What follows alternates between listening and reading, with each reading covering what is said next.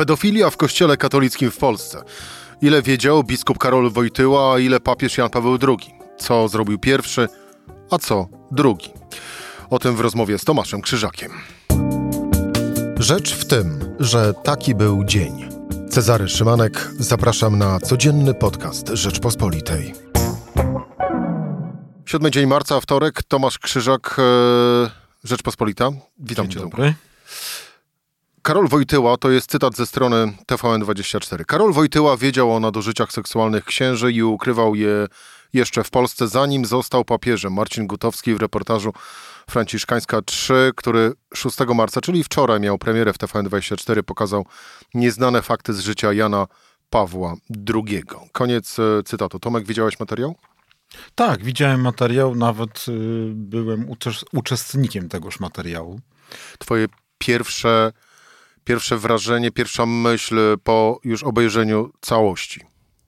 Że pierwsza myśl po obejrzeniu całości, to ponieważ ja znam część dokumentów, y, którymi posługiwał się również Marcin Gutowski, jest taka, że nie odważyłbym się na tak y, ostro zarysowaną tezę, y, której, którą tutaj przytoczyłeś, bo faktem jest, że Karol Wojtyła jako biskup krakowski wiedział o przypadkach wykorzystywania seksualnego osób małoletnich, natomiast nie postawiłbym takiej tezy, że te e, przypadki ukrywał i zamiatał je pod dywan, bo to jest bardzo daleko idąca teza. Mm, Materiały, które my widzieliśmy i które również zostały pokazane wczoraj w reportażu mm, TVN24, mm, mówią, że przynajmniej w tych dwóch e, przypadkach e, ta jego reakcja była i on reagował i, i, i zadziałał. No właśnie. e, Do samego reportażu w TVN24 za chwilę wrócimy, ale pozostańmy przy tym, jak sam zresztą powiedziałeś, my, czyli ty i, I Piotr Litka. no właśnie, i Piotr Litka, i jeszcze na chwilę ci przerwę. Zaczęło się od publikacji w Rzeczpospolitej 25 e, listopada. Wtedy pojawił się tekst pod tytułem Wiedział Wojtyła, wiedziała SB, ksiądz pedofil latami krzywdził chłopców. Fragment przytoczę. Przypadek księdza pedofila, który ujawniamy, jest częścią mrocznej historii Kościoła w Polsce. Eugeniusz Surgent przez kilkadziesiąt lat molestował chłopców w parafiach od Małopolski po zachodniopomorskie. Mógł to robić, choć jego przestępstwa nie były tajemnicą dla biskupów. Wiedziała o nich także SB, ale uznała, że zdemoralizowany duchowny najbardziej zaszkodzi Kościołowi, jeśli pozwoli mu się grasować. I się nie pomyliła. Koniec e, cytatu. Od tego zaczęłaś, zaczął się właściwie cykl publikacji waszych tekstów na łamach Rzeczpospolitej. Przypomnę, 25 listopada 2022 roku. Tak, rzeczywiście od tego momentu zaczyna się cykl naszych publikacji. Cykl publikacji, który jest ym, jakby pokłosiem e, większego e, projektu, który w tej chwili realizujemy. E, projektu, w którym założyliśmy sobie zbadanie archiwów Instytutu Pamięci Narodowej pod kątem tego, e, ile władza e, ludowa e, wiedziała w tamtych czasach. Jak często e, tego typu sytuacje były mm, przez e, ówczesne organa ścigania podejmowane, ilu księży zostało mm, skazanych Za E, pedofilię za bądź molestowanie. wykorzystywanie seksualne mm, osób małoletnich. I przy okazji badamy, jaka była reakcja hierarchów Kościoła w tych konkretnych przypadkach. Muszę powiedzieć, że my tych przypadków odkryliśmy całkiem sporo. To za chwilę. Pozostańmy przy, jeszcze przypomnijmy, e, chociaż co, co do samego clue w tekst o e, księdzu e, Surgencie. E, Jan Paweł II, wtedy biskup Karol Wojtyła, wiedział? A to nie ulega najmniejszych wątpliwości, że wiedział, e, bo no, podejmował jakieś działania w jego zakresie.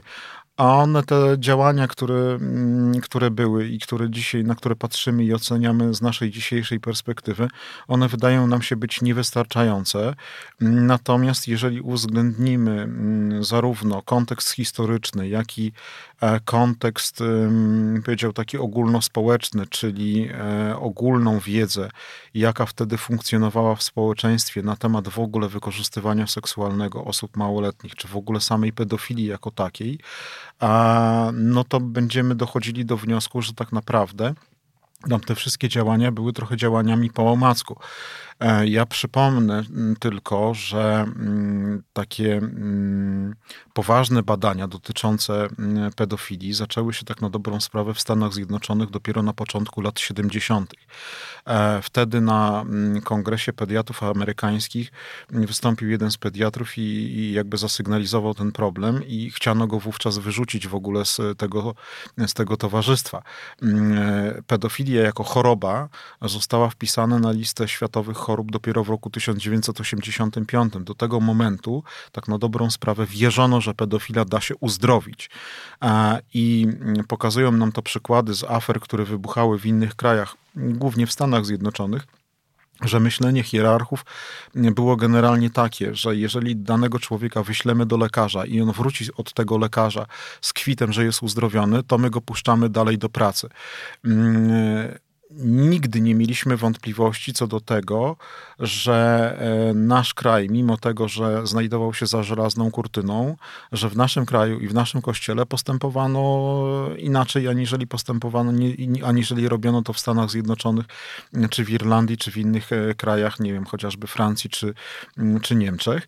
E, I mamy w tej chwili tego no, jakby takie namacalne dowody, że rzeczywiście było tych przypadków wykorzystywania seksualnego mm, bardzo dużo. E, natomiast y, w niektórych przypadkach widzimy jakieś działanie hierarchii kościelnej, a w niektórych po prostu go wręcz nie ma.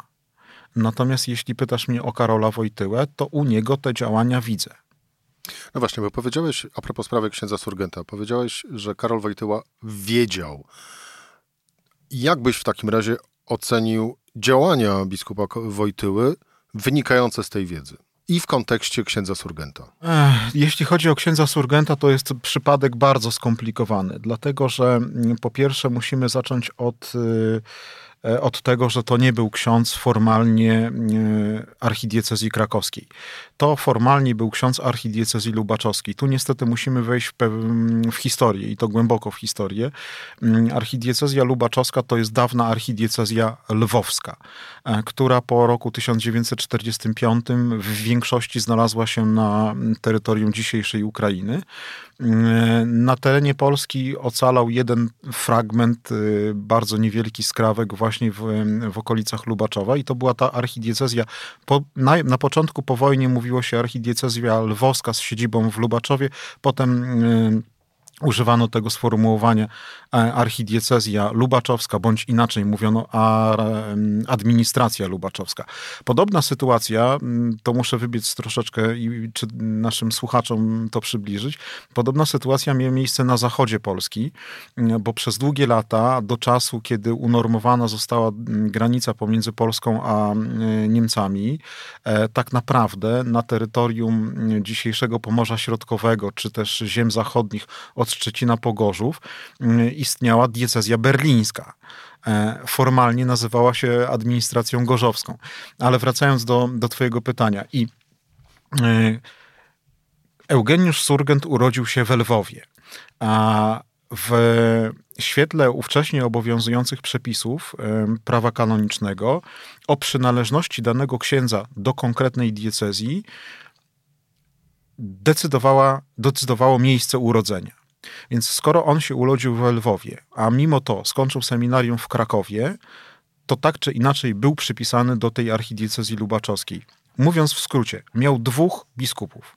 Miał biskupa swojego, takiego głównego, to, tego biskupa lubaczowskiego i biskupa na, mm, miejsca, na terenie którego pracował, czyli archidiecezji krakowskiej. Wygląda to niestety w taki sposób, że arcybiskup krakowski oczywiście posyła go do pracy w poszczególnych parafiach, natomiast taką władzę jurysdykcyjną do ukarania tegoż człowieka ma tak na dobrą sprawę ten arcybiskup Lubaczowski. I my się w tych dokumentach w pewnym momencie dopatrujemy takiej, takiej sytuacji, gdzie ksiądz Surgent w połowie lat 60. zostaje wydalony z terytorium archidiecezji krakowskiej i oddany do dyspozycji Mm, arcybiskupa Lubaczowskiego. Nie mamy, nie, nie mamy niestety w dokumentach e, żadnego mm, śladu po tym, E, za co to było to wydalenie? My się dzisiaj domyślamy, my dzisiaj wiemy, bo my jesteśmy wyposażeni w tą, w tą wiedzę, ponieważ na etapie pisania chociażby tego naszego tekstu myśmy się dowiedzieli e, od osoby, której z kolei bliska osoba została przez tego księdza skrzywdzona, że to mogło dotyczyć właśnie, właśnie e, te, te, tej sytuacji. Natomiast nie mamy w dokumentach żadnej informacji, jakoby Karol Wojtyła o tym wiedział. Więc chociażby dlatego wzbraniam się przed postawieniem tak ostrej tezy, że wiedział i to ukrywał ta informacja, y, ona się dopiero pojawia gdzieś w końcówce lat 60. i tam rzeczywiście Bezpieka przejmuje e, list od biskupa y, Lubaczowskiego e, Nowickiego, e, w którym to liście mm, księdzu Surgentowi udzielona jest jakaś reprymenda, nagana w związku właśnie z jakimś faktem wykorzystania seksualnego. W dokumentach stoi napisane, że o tej sprawie została powiadomiona kuria krakowska, biskup Pietraszko, biskup Groblicki, wiedział o tym kanclerz kurii. I znów mam tutaj dylemat. Nie wiem, czy wiedział kardynał Wojtyła. Wydaje mi się, że wiedzieć powinien, natomiast y, znając uregulowania albo stosunki panujące w wielu kuriach e, biskupich, e, wiem, że o pewnych sprawach szefa się po prostu zwyczajnie nie informuje po to, żeby go nie denerwować y, i tak dalej. Więc pytanie jest takie, ja bym to pytanie mm, Możesz mi oczywiście, o, nie wiem, posądzić o to, że próbuję tutaj wybielać, ale ja dzielę włos na czworo. No to sprawdźmy. E, próbuję dzielić ten włos na czworo e, i e, mogę się spodziewać tego, że Karol Wojtyła w tym danym momencie, akurat w latach 60., w końcówce lat 60., po prostu nie wiedział o tym, co, e, co, co zaszło. Stąd wzięła się decyzja chociażby o tym, żeby go przesunąć na inne stanowisko. Pamiętać też należy o tym, tak było i tak jest do dzisiaj, że biskup ordynariusz y, no, jest tym, który formalnie odpowiada za wszystko, co się dzieje w danej diecezji, ale ma tak zwanych wikariuszy generalnych, czyli biskupów pomocniczych, na których deleguje część swoich uprawnień y, i tak na przykład, nie wiem, przenosi nami księży sprawami personalnymi księżmi. W archidiecezji krakowskiej wtedy zajmował się biskup Jan Pietraszko. A formalnie dokumenty podpisywał Karol Wojtyła. No ale te przeniesienia były załatwiane jednak troszeczkę na niższym szczeblu, więc tutaj mam pewne wątpliwości co do tego. Natomiast yy, widać wyraźnie, już y, później w tych dokumentach, kiedy doszło do e, tego skandalu w miejscowości Kiczora, Sól Kiczora, że w momencie, kiedy to doszło do uszu e, kardynała Wojtyły, e, to kardynał Wojtyła nie ma tam żadnych wątpliwości. Natychmiast zwalnia tego księdza z pracy w archidiecezji krakowskiej. No i znów niestety oddaje go pod jurysdykcję tego biskupa Lobaczowskiego, ale zgodnie z tym, z, tymi, z tym prawem. Oczywiście wiele osób może mi zarzucić i mi zarzuca. To, że ja próbuję tutaj tłumaczyć kardynała Wojtyłę, podpierając się jakimiś mm, uregulowaniami prawnymi tak tak dalej. No niestety, trzeba się tym podpierać, dlatego że mm, każdy biskup jest w swojej diecezji y, panem, sterem, żeglarzem i okrętem. Wszystkim po prostu. Wszystkim, tak. E, I teraz jeden biskup, mimo tego, jeżeli weźmiemy mapę Polski, to na przykład, jeżeli będziemy mieli taką sytuację, załóżmy w Warszawie, e, to jeden biskup może coś drugiemu delikatnie zasugerować, e, że powinieneś tą sprawę załatwić tak czy inaczej, ale nie może mu się wtrącać w to, bo on bezpośrednio odpowiada przed papieżem. Takie są, takie są realia Kościoła. Czyli jeżeli, e, nazwijmy rzecz po imieniu, Tomek, przykład, jeżeli e, ksiądz pracujący e, w Warszawie, ale pochodzący z innej diecezji, dopuszcza się czynów pedofilskich, to kwestia jego ukarania w ramach Kościoła katolickiego i w ramach struktur Kościoła leży w gestii biskupa z diecezji, do której należy, a nie biskupa w Warszawie. Tak powinno to być. Jeżeli aczkolwiek... ów biskup uzna, że nie będzie tego robił, to tego księdza kara spotkać nie musi. Nie, nie musi. Natomiast ten biskup y, na terenie diecezji, której y, tenże delikwent pracuje, może to mu po prostu zwyczajnie powiedzieć: Słuchaj, ja z tobą nie chcę już mieć tutaj do czynienia. Proszę bardzo, pakuj walizki i jedź do swojej diecezji. E, no i tam. No i właśnie, no i tam. Czyli w najlepszym wypadku takiego pedofila, nazwijmy rzecz po imieniu, w najlepszym dla niego oczywiście przypadku, może spotkać tylko i wyłącznie to, że będzie musiał z Warszawy wyjechać. Znaczy, no teraz się to wszystko pozmieniało. Teraz się pozmieniały także przepisy mm, kościelne, prawo kanoniczne. Mamy od 1983 roku nowy kodeks prawa kanonicznego mm, i tam jest też powiedziane, że jeśli idzie o kwestie związane z karaniem księdza mm, i wytoczeniem mu na przykład procesu e, karnego e, przed sądem biskupim, to może to również zrobić ordynariusz miejsca, e, z tego względu, że on ma pełną wiedzę na temat tego, co ten człowiek tutaj na, na rozrabiał. Jest nawet wręcz obowiązek taki, że jeżeli mamy te, tego typu sytuacje, mm, to dzisiaj znowu, dzisiaj znowu jest taka sytuacja, że o każdej mm, tego typu sprawie należy zawiadomić stolicę apostolską. Ale ten obowiązek istnieje tak naprawdę od roku 2001. Wcześniej tego obowiązku nie było. Wcześniej wszystkie te sprawy miały być załatwiane przez biskupów na terytorium danej diecezji.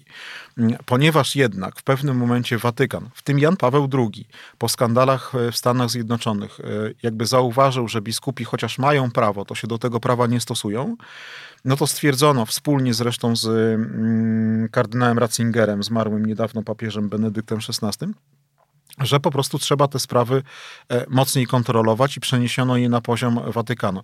I znów mamy ten początek roku, ten początek tej zmiany przepisów, 2001 e, rok i mamy też udokumentowane niestety w Polsce takie przypadki, że pomimo tego, że te przepisy się zmieniły i trzeba było ten Watykan zawiadamiać, to biskupi tak czy inaczej tego nie robili i tu możemy mówić wręcz i wprost o tym, że po prostu zamiatali te sprawy pod dywan, no bo bronili sprawcę, tak? Bronili sprawcę, e, natomiast ofiara tak na dobrą sprawę nie istniała. Ksiądz Surgent e, był bohaterem waszego tekstu w, opublikowanego pod koniec listopada ubiegłego roku na łamach Rzeczpospolitej i był również jednym z bohaterów owego e, reportażu na antenie telewizji TVN24. Tekst w Rzeczpospolitej pojawił się 25 listopada. 29 listopada 2022 roku y, opublikowałeś tekst Prześwietlanie Karola Wojtyły, Watykan bada lata 1962-78. I tutaj cytat. Czy Watykan sprawdzi, jak kardynał Karol Wojtyła przed wyborem na papieża reagował na przestępstwa wykorzystania nieletni, małoletnich. E, to była nieoficjalna informacja. Czy coś więcej wiemy? Nie, czy... nie wiemy nic więcej na ten temat. E, to, była, to były takie informacje, które do nas napłynęły z trzech niezależnych od siebie źródeł, e, źródeł kościelnych. Na etapie oczywiście poszukiwania różnych materiałów e, dotyczących księdza Surgenta, kiedy chcieliśmy zbadać bardziej mm, jakby reakcji strony kościelnej, no też próbowaliśmy znaleźć jakąś jego teczkę personalną, żeby e, dowiedzieć się e, o tych sprawach, których gdzieś mamy jakieś tajemnice, a mamy na przykład tajemnice, no bo wiemy, że ksiądz wyszedł z więzienia w roku 74 i potem na w 73, przepraszam, a potem na 4 lata, a potem na 4 lata nam znika z pola widzenia, e, a żeby się objawić w 78 roku w diecezji koszalińsko-kołobrzeskiej. I jakby szukaliśmy mm, dokumentów, e, gdzie moglibyśmy coś znaleźć, co się z nim działo przez te 4 lata, dlaczego on się znalazł w tej diecezji koszalińsko-kołobrzeskiej, mm, kto jakby za tym stał, e, pomiędzy kim a kim były jakieś tam e, porozumienia. Tu mamy w dalszym ciągu jakieś zagadki, bo nie wiemy do końca. E, wydaje nam się, że w momencie, kiedy Kraków wydalił tego księdza ze swojego terytorium i on powrócić powinien do Lubaczowa, to decyzja mm, o przejściu jego do diecezji koszalińskiej zapadła pomiędzy biskupem lubaczowskim a biskupem koszalińsko-kołobrzeskim. Mm, kiedy zapytaliśmy w kurii diecezji koszalińsko-kołobrzeskiej o to, czy w tamtym momencie była jakakolwiek wiedza na temat przeszłości tego księdza, odpowiedziano nam, że nie. E, I wtedy, w tamtym momencie dochodziły do nas te, takie sygnały, że, że no, Watykan e, będzie prześwietlał, że próbuje to prześwietlić, że chciałby to zrobić. Nie mamy oczywiście tego potwierdzonego, tak jak wspomniałem, natomiast to byłoby bardzo dobre rozwiązanie. No właśnie, wejdę w słowo, bo tuż teraz z kolei odwołam się do Twojego tekstu 27 grudnia, właściwie wtedy pojawiły się dwa, bo pojawił się w Rzeczpospolitej sondaż, z którego wynika prosty wniosek. Polacy za sprawdzeniem, jak Karol Wojtyła walczył z pedofilią, ale również pojawił się Twój komentarz do, do, tych wyników, do wyników tych badań z bardzo jasnym postulatem: zbadajmy kościelne archiwa. Zacytuję: Kościół w Polsce w ostatnich latach zrobił wiele, by z przestępcami w sutannach walczyć i by najmłodsi byli w nim bezpieczni. Nie rozliczył jednak przeszłości i dopóki tego nie zrobi, wciąż będzie oskarżany o zamiatanie pedofilii pod dywan. Koniec cytatu. To tekst z 27 e, grudnia. I nic się w tym zakresie nie zmieniło.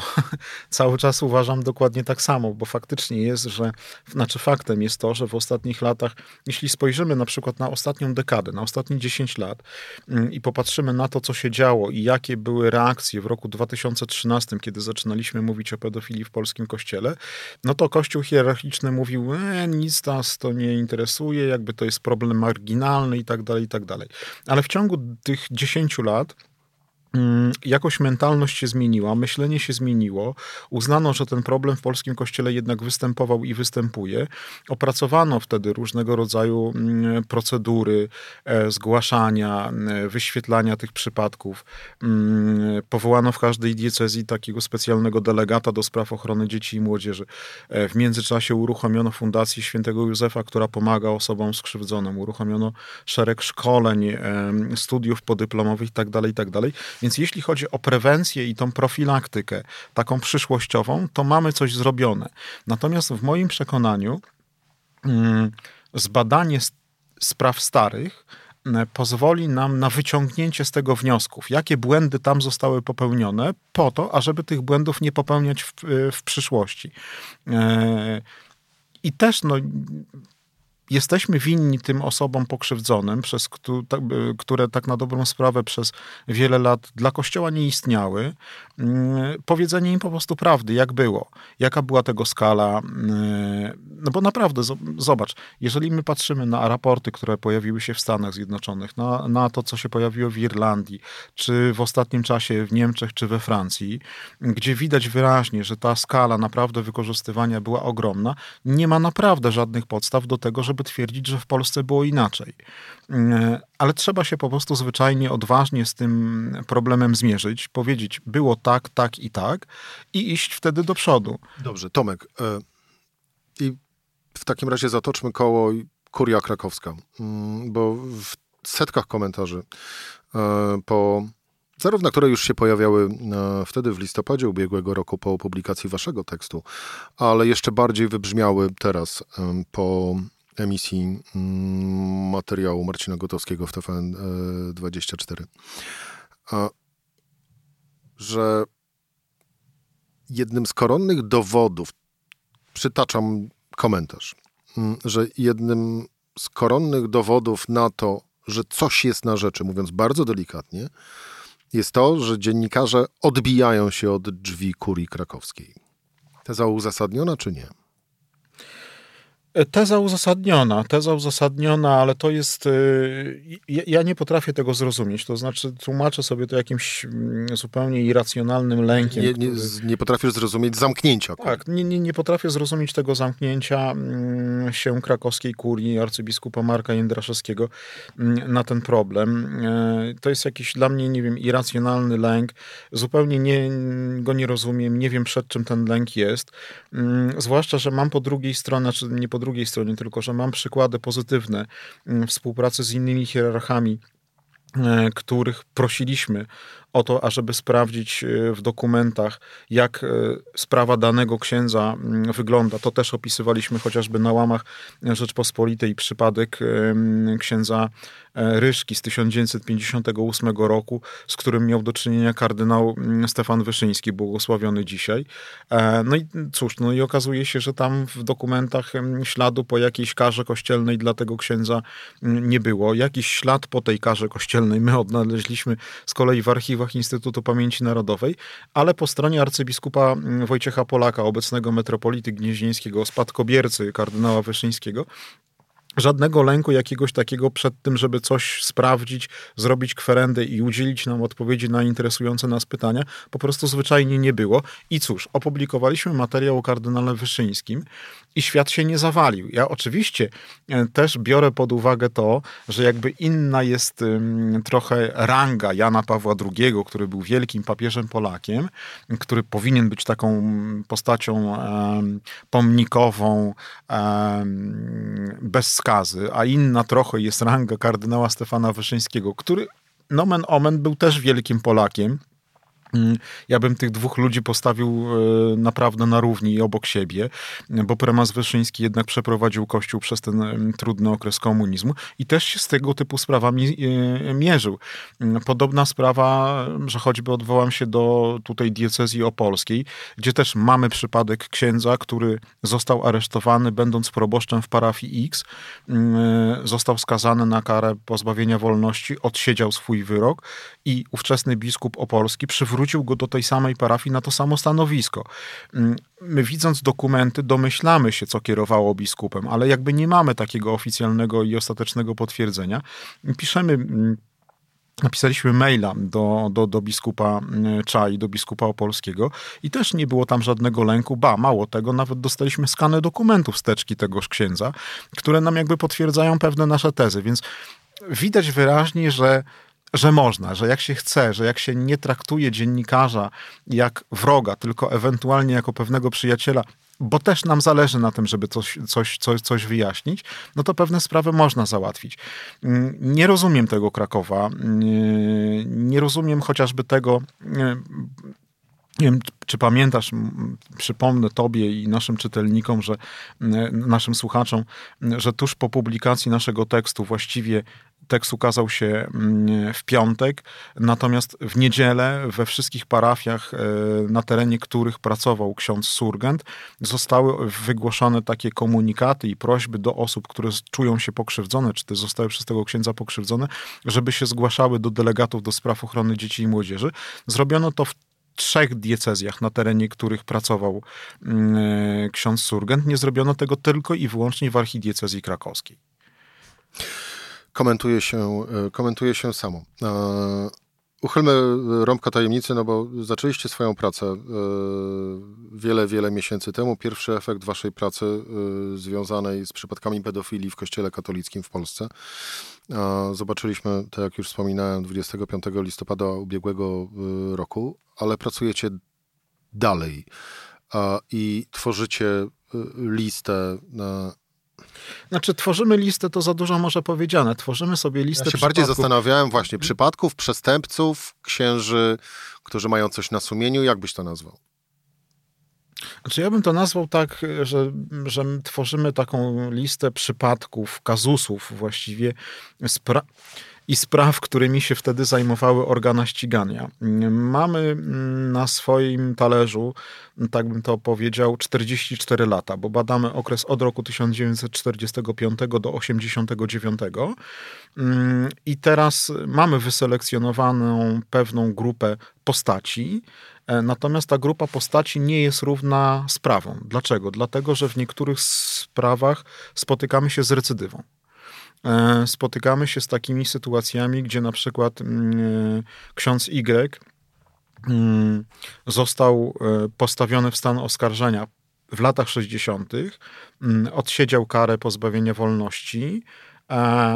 Po wyjściu z więzienia w ciągu 10 lat po odbyciu kary jego wyrok uległ zatarciu i ksiądz znów wpadł, to znaczy znów został znów złapany, popełnił przestępstwo. Popełnił przestępstwo, został oskarżony, ale system nie widział tamtej kary, bo ona była już zatarta i system uznał wtedy w latach 80., to się już zdarzyło, że no właściwie korzystając z dobrodziejstw amnestii, która była z, z okazji kolejnej rocznicy istnienia mm, PRL-u, możemy mu tą karę odpuścić. Nie? Więc umorzono sprawę, zastosowano amnestię.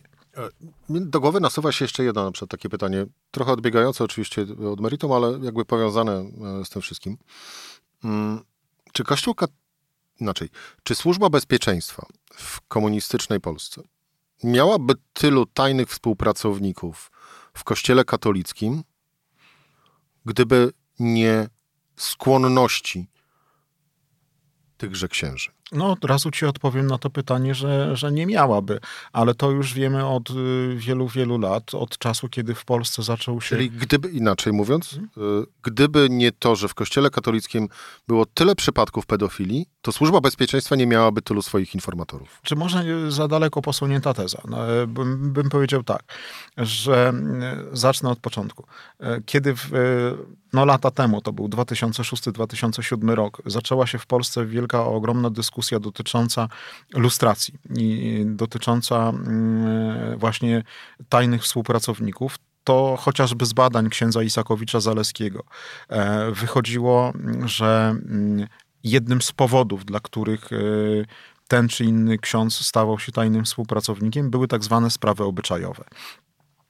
To było to, że ksiądz miał kochankę, to było to właśnie, że ksiądz lubił dzieci za bardzo. To były też sprawy dotyczące... Był pedofilem, nazywajmy rzecz Tomek. E, to, że ksiądz miał na przykład jakiś wypadek samochodowy, albo że gdzieś jakieś pieniądze skręcił, bo też takie sytuacje były, albo że na przykład, nie wiem, wywoził obrazy za granicę. Mm, więc mm, łapano tych księży na różnych, e, na różnych kwestiach, także właśnie na kwestiach pedofilskich i my się z tym mm, w tych naszych badaniach spotykamy. No, mm, spotykamy się z taką sytuacją, gdzie ksiądz został złapany e, na tym, jak krzywdzi dziewczynkę w parku miejskim. Zostaje aresztowany na dwa dni, ale błyskawicznie dowiaduje się e, o tej sytuacji mm, służba bezpieczeństwa z miasta, w którym on faktycznie pracuje. E, załatwiają jego zwolnienie z tego aresztu bardzo szybkie i zaczynają go nachodzić i mówią, słuchaj, dokładnie tak jak w sprawie Surgenta było na samym początku. Słuchaj, my tutaj mamy na ciebie kompromitujące materiały, my tą sprawę wyciszymy, tobie włos z głowy nie spadnie, ale musisz podpisać zobowiązanie do współpracy. Podpisał? I bardzo często, ten akurat tak, bardzo często no, są takie sytuacje, że po prostu te zobowiązania do współpracy były podpisywane. Zresztą Służba Bezpieczeństwa, przepraszam, że ci się wtrącę jeszcze, bo widzę, że chcesz zadać kolejne pytanie, Potwierdzam. ale tak jak wi, wi, widzimy z tych mm, naszych badań, miała różne podejście do sprawy, bo czasami było tak, że ksiądz był ich tajnym współpracownikiem, jeszcze przed popełnieniem przestępstwa. W momencie, kiedy przestępstwo wyszło na jaw i sprawa trafiała do prokuratury, natychmiast zrywali z nim współpracę. On już nie istniał dla nich. To był jeden schemat. Drugi schemat był taki, że próbowano człowieka skaptować, jak siedział w więzieniu i na przykład obiecywano mu to, że mu zredukują karę i że on wyjdzie. I bardzo często się zdarzało, że właśnie podpisywali takie zobowiązanie do współpracy. A trzecia jakby metodologia była taka, że facet wychodzi z więzienia, dopuszcza się po raz kolejny e, tego czynu i w tym momencie mówią, słuchaj, siedziałeś już w więzieniu, teraz my ci pomożemy, więc podpisuj, prawda? I oni byli, ta ostatnia grupa to była taka grupa dla nich najbardziej wartościowa, bo ten facet wiedział już o tym, że on nie może sobie pozwolić na to, żeby się biskup dowiedział, żeby ktoś się tam dowiedział, bo to mu całkowicie zrujnuje jego kościelną karierę, w związku z tym donosił. No i żeby trafił do więzienia. I tak jak, i tak jak w sytuacji Surgenta, no mieliśmy tego chociażby dowód o tym, że w momencie, kiedy on pracuje już na terenie diecezji koszalińsko-kołobrzeskiej, tamtejsza służba bezpieczeństwa wiedziała o tym, bo w dokumentach mamy nazwiska podane ofiar, że siedmiu chłopców, co najmniej siedmiu chłopców zostało przez tego księdza wykorzystanych, a oni wtedy na to po prostu zwyczajnie e, przymknęli oczy, no bo on był im potrzebny do tego, żeby donosić na to, co się tam dzieje na zebraniach dekanalnych, mm, co, jakie plany ma jeden biskup czy drugi biskup. No właśnie. E, siedmioro dzieci skrzywdzonych przez księdza Surgenta to jest tyle, ile wiemy, bo o wszystkich ofiarach nie wiemy. To znaczy, ja ci wspomniałem o siedmiu, które zostały mm, skrzywdzone w diecezji koszalińsko-kołobrzeskiej. Natomiast jeżeli... W sumie ile było? To jest trudna liczba do no oszacowania. To znaczy, jest to, jest to liczba trudna do oszacowania. Ja bym nawet y, w tym momencie mówił o. Mm, ja bym nawet w tym momencie nie bał się przed postawieniem tezy, że było to około setki. E... I teraz tu się zatrzymajmy. Na Twojej liście jest ile przypadków? Nie mogę tego powiedzieć teraz. Kilkadziesiąt. Kilkadziesiąt. Kilkadziesiąt, tak. Pytam tylko i wyłącznie po to, aby w jaki sposób można byłoby sobie zobrazować już Wiesz teraz powiem ci skalę o, problemu. Ja, ja powiem ci, bo tą skalę problemu można bardzo w bardzo prosty sposób zobrazować. Konferencja Episkopatu Polski od kilku lat gromadzi takie dane dotyczące e, przypadków liczby zgłoszeń, e, które osoby pokrzywdzone bądź ich bliscy zgłosili do kurii diecezjalnych. Były do tej pory trzy takie kwerendy. Pierwsza kwerenda obejmowała lata 1990-2018. Następna kwerenda była od 2018 do końca 2020 2021 roku. Zawiesiłem się. 20 e, roku, potem była cały 21 rok i teraz kończy się opracowanie z tego, co, co wiem, kończy się opracowywanie kwerendy z 2022 roku. Ale w tych przypadkach, które zostały zgłoszone do kurii biskupich czy kurii zakonnych po roku 1990, są też sprawy, które miały miejsce, krzywdy, które zadziały się przed rokiem 90. Wszystkie? W tych kwerendach na pewno nie wszystkie, tylko te, których ludzie mm, poczuli się do tego, żeby po prostu gotowi do tego, żeby je zgłosić. Tak? A to nie ale, jest. Ale w tych kwerendach. To było moje bardzo ważne pytanie, Proszę bo wiele osób się po prostu zwyczajnie nie chciało tego zderzyć. Tak, tak. E, I, I teraz w tych kwerendach mamy, że pierwsza krzywda zgłoszona to jest rok 1950. I jesteśmy w stanie wyselekcjonować z tej grupy tych, tych, tych iluś tam przypadków sprawy, które zadziały się przed rokiem 1990, czyli w tym okresie, który mnie na przykład interesuje. I ja dzisiaj widząc po, po, po tych danych, widzę, że między rokiem 1950 a 90 było 111 przypadków. 111 przypadków, więc jeżeli sobie weźmiemy tylko tą, tą, tą liczbę, którą znamy, to jest liczba ujawniona, e, musimy, musimy ją w jakiś sposób przemnożyć. Oczywiście nie ma takiego mnożnika, który by nam powiedział, że a, jak sobie przemnożymy przez 10, to wychodzi nam realna liczba. Tomek, to inaczej. Gdybyś miał oszacować skalę tych przestępstw, oszacować i wskazać potencjalną, szacunkową liczbę ofiar księży pedofilów w Polsce od roku 1950 do teraz. Wiesz co, no nie jestem w stanie oszacować aż tak bardzo jakoś precyzyjnie, natomiast no mógłbym powiedzieć... tysiące? No, nie, ja mógłbym powiedzieć o kilku tysiącach na pewno. E, kilka tysięcy osób na pewno. E, powiem tak... Mm, jest takie opracowanie mm, z okresu PRL-u oczywiście, z lat 80., gdzie mm, ówczesna władza jakoś próbowała się z tym tematem zmierzyć i badali też przestępczość wśród duchownych. Jest taki raport z początku lat 80., gdzie oni zauważają wzrost przestępczości seksualnej wśród duchownych i im wychodzi coś takiego, że jest sześć przypadków rocznie. A więc jeśli trzymać się tego sześć przypadków rocznie, no to jeżeli przemnożymy to przez 44 lata, to nam się robi jakaś mm, konkretna konkretna liczba. Przyjmuje się w różnego rodzaju badaniach, że tam, gdzie nie mamy um, dokładnej liczby ofiar, wiemy tylko, że nastąpiła krzywda, ale nie, nie znamy dokładnie, przyjmuje się 10. Przyjmuje się, że dana osoba skrzywdziła, mogła skrzywdzić 10 osób. Mm, no to robią nam się naprawdę, naprawdę du, du, duże cyfry. Ja mogę ci na przykład powiedzieć o, o, o takim przypadku, mm, który też nam wychodzi w badaniach, a który jest w pewnym sensie już przypadkiem znanym. Bo my natrafiamy na, mm, może zacznę od końca. E, dwa lata temu e, na łamach Gazety Wyborczej ukazał się mm, reportaż o pewnym księdzu e, z Podkarpacia, mm, który no, dopuszczał się wykorzystywania seksualnego osób małoletnich. Mm, ta sprawa została oddana do Watykanu, tam się to w tej chwili, te wszystkie młyny kościelne się mielą. Natomiast my w naszych badaniach teraz natrafiliśmy na ślad po tym, że w stosunku do tego księdza w latach 80., w połowie lat 80., w roku 85 zostało wszczęte dochodzenie. On nigdy nie został oskarżony. Zostało wszczęte dochodzenie. Milicja rozpytywała e, ludzi, no bo coś tam słyszano.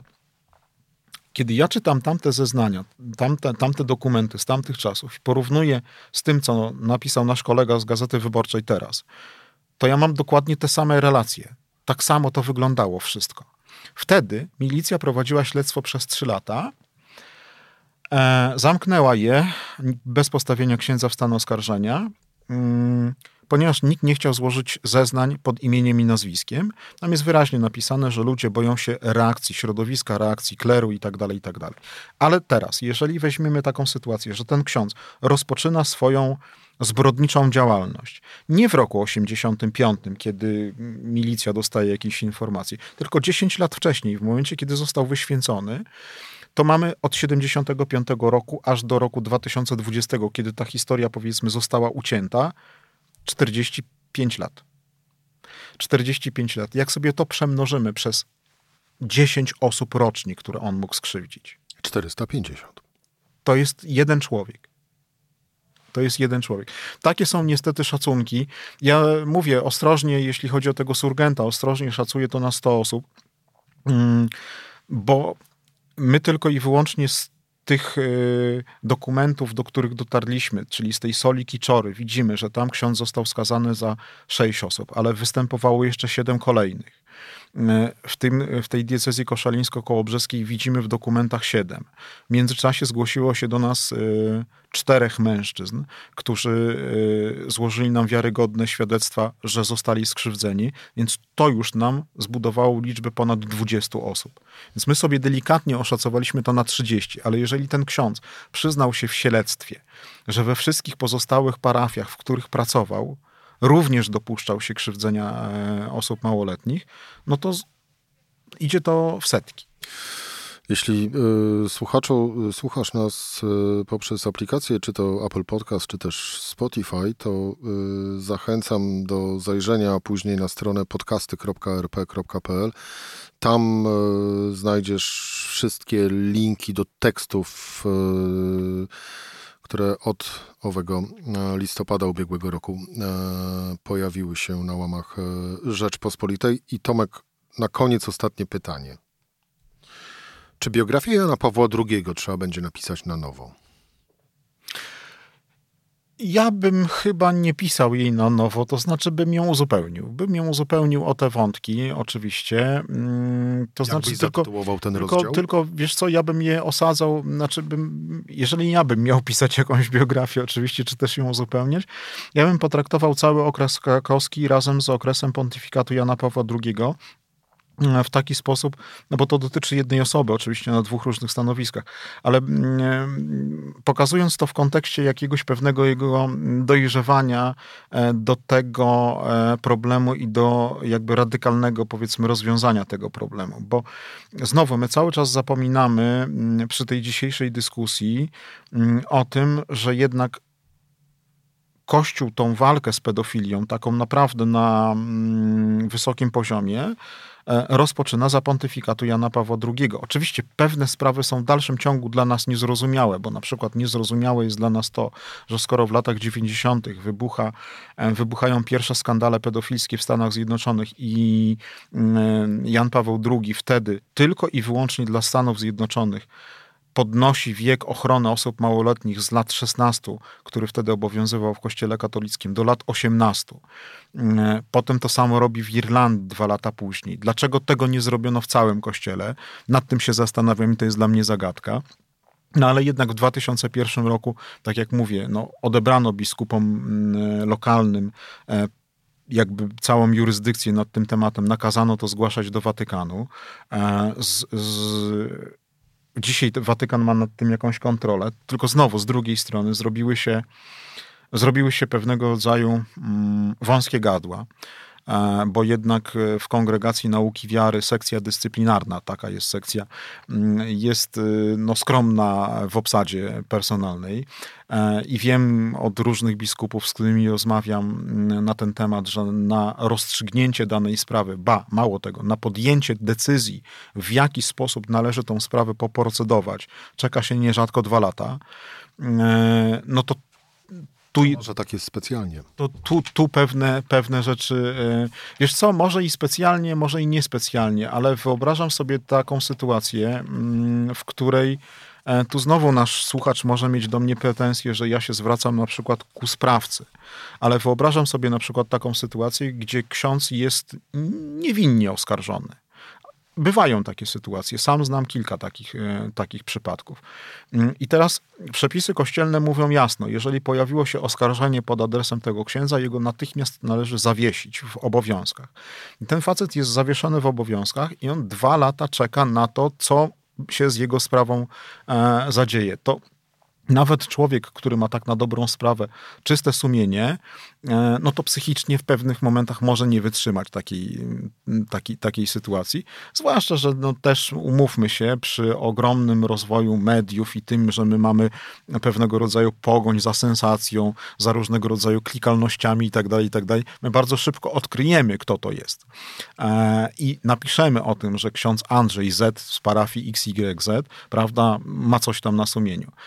Potem się okaże, że on nie ma. No właśnie.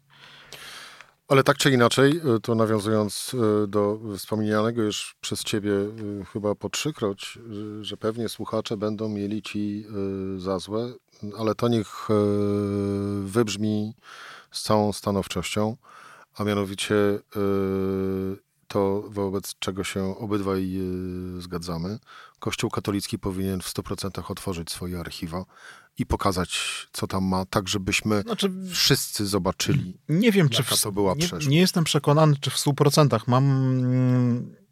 Mm, mam powody do tego, by sądzić, że tak się nie stanie. Natomiast jest. To, to, że tak się nie stanie, to nie, wiemy. Natomiast, natomiast tak jest, wiesz, jest, są, są doświadczenia z krajów zachodnich Mm, chociażby te ostatnie dwa, o których wspominałem, czyli Niemcy i Francja, mm, gdzie widać wyraźnie, że można, jak się chce, to można powołać niezależną komisję i można tej komisji udostępnić jakieś dokumenty.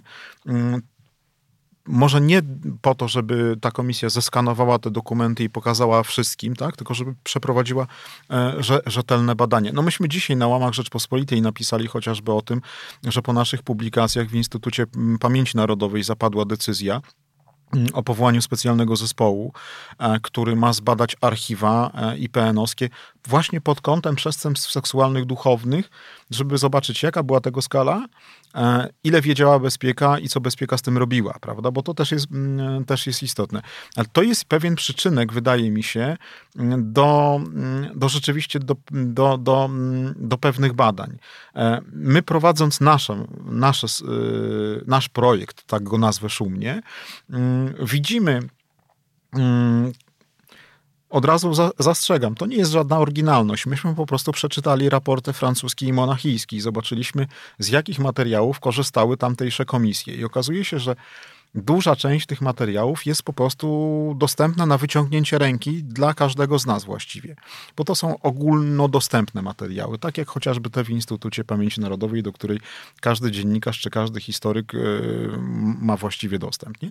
E, trzeba te, te, te sprawy zbadać. O innych ścieżkach nie będę mówił, żeby nie, zdradzajmy. nie zdradzać e, kulisów naszej pracy. Natomiast są te ścieżki, można je podjąć, zestawić to rzeczywiście z archiwami kościelnymi i jakiś raport, jakiś obraz tego, co się tutaj w tym kraju działo, on nam mm, się ukaże. I on powinien się ukazać e, nie ze względu na Kościół, ale ze względu na ofiary tych przestępstw. przestępstw przede wszystkim, przede wszystkim na, na ofiary, mm, z, chociażby z uwagi na to, że tak jak mm, widzisz, wspomnieliśmy o tym, że przez całe lata, ale to znowu, nie tylko w kościele w Polsce, to była taka praktyka w całym kościele powszechnym. Właściwie można powiedzieć, ofiar nie było. Był sprawca, była tak zwa, było tak zwane zgorszenie maluczkich, e, i temu trzeba było zaradzić. Natomiast jeśli chodzi o osoby pokrzywdzone, w ogóle nie zwracano na nie uwagi. Pierwszy, który zwrócił delikatnie uwagę na osoby pokrzywdzone, był Jan Paweł II pod koniec swojego pontyfikatu, kiedy przeprosił osoby skrzywdzone, ale znów nigdy się z nimi nie spotkał i to jest podstawowy zarzut też do niego, że on się z, z, nimi nigdy nie spotkał. Znowu mm, będę mówił tutaj o mentalności, o pewnym dorastaniu. Być może gdyby żył lat y, dłużej pięć, to by się z jakimiś osobami pokrzywdzonymi spotkał. Natomiast potem ten proces zapoczątkował bardzo mocno Benedykt XVI i kontynuuje go cały czas, y, kontynuuje go cały czas y, papież Franciszek. Ja bym sobie życzył, żeby Nasi hierarchowie równie często spotykali się z y, osobami pokrzywdzonymi Wiem o tym, że tacy hierarchowie są, natomiast duża część niestety cały czas ucieka przed tym problemem, mm, bo mam takie wrażenie, e, że boją się konfrontacji z osobą pokrzywdzoną, a na zasadzie takiej, wiesz, takie myślenie, no usiądę naprzeciwko tego skrzywdzonego człowieka i co ja mu powiem. E, jest takie słowo magiczne, przepraszam. To raz, a Albo dwa. Przykład, proszę o wybaczenie. A dwa, e, wiesz co, wydaje mi się, że bardzo często osobom pokrzywdzonym jest potrzebne tylko i wyłącznie wysłuchanie. Nie trzeba nic mówić, trzeba po prostu z nimi usiąść i ich posłuchać. Arcybiskupa Jędraszewskiego bym z chęcią zobaczył, przyjmującego ofiary tych przestępstw. Ja też. Tomasz Krzyżak, dziękuję Ci bardzo za rozmowę. Dziękuję. To była Rzecz w tym we wtorek. Cezary Szymanek do usłyszenia jutro o tej samej porze.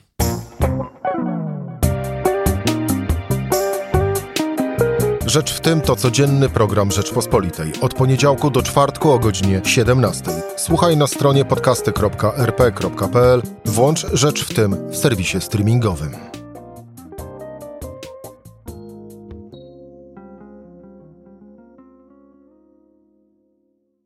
Poznaj mocne strony Rzeczpospolitej.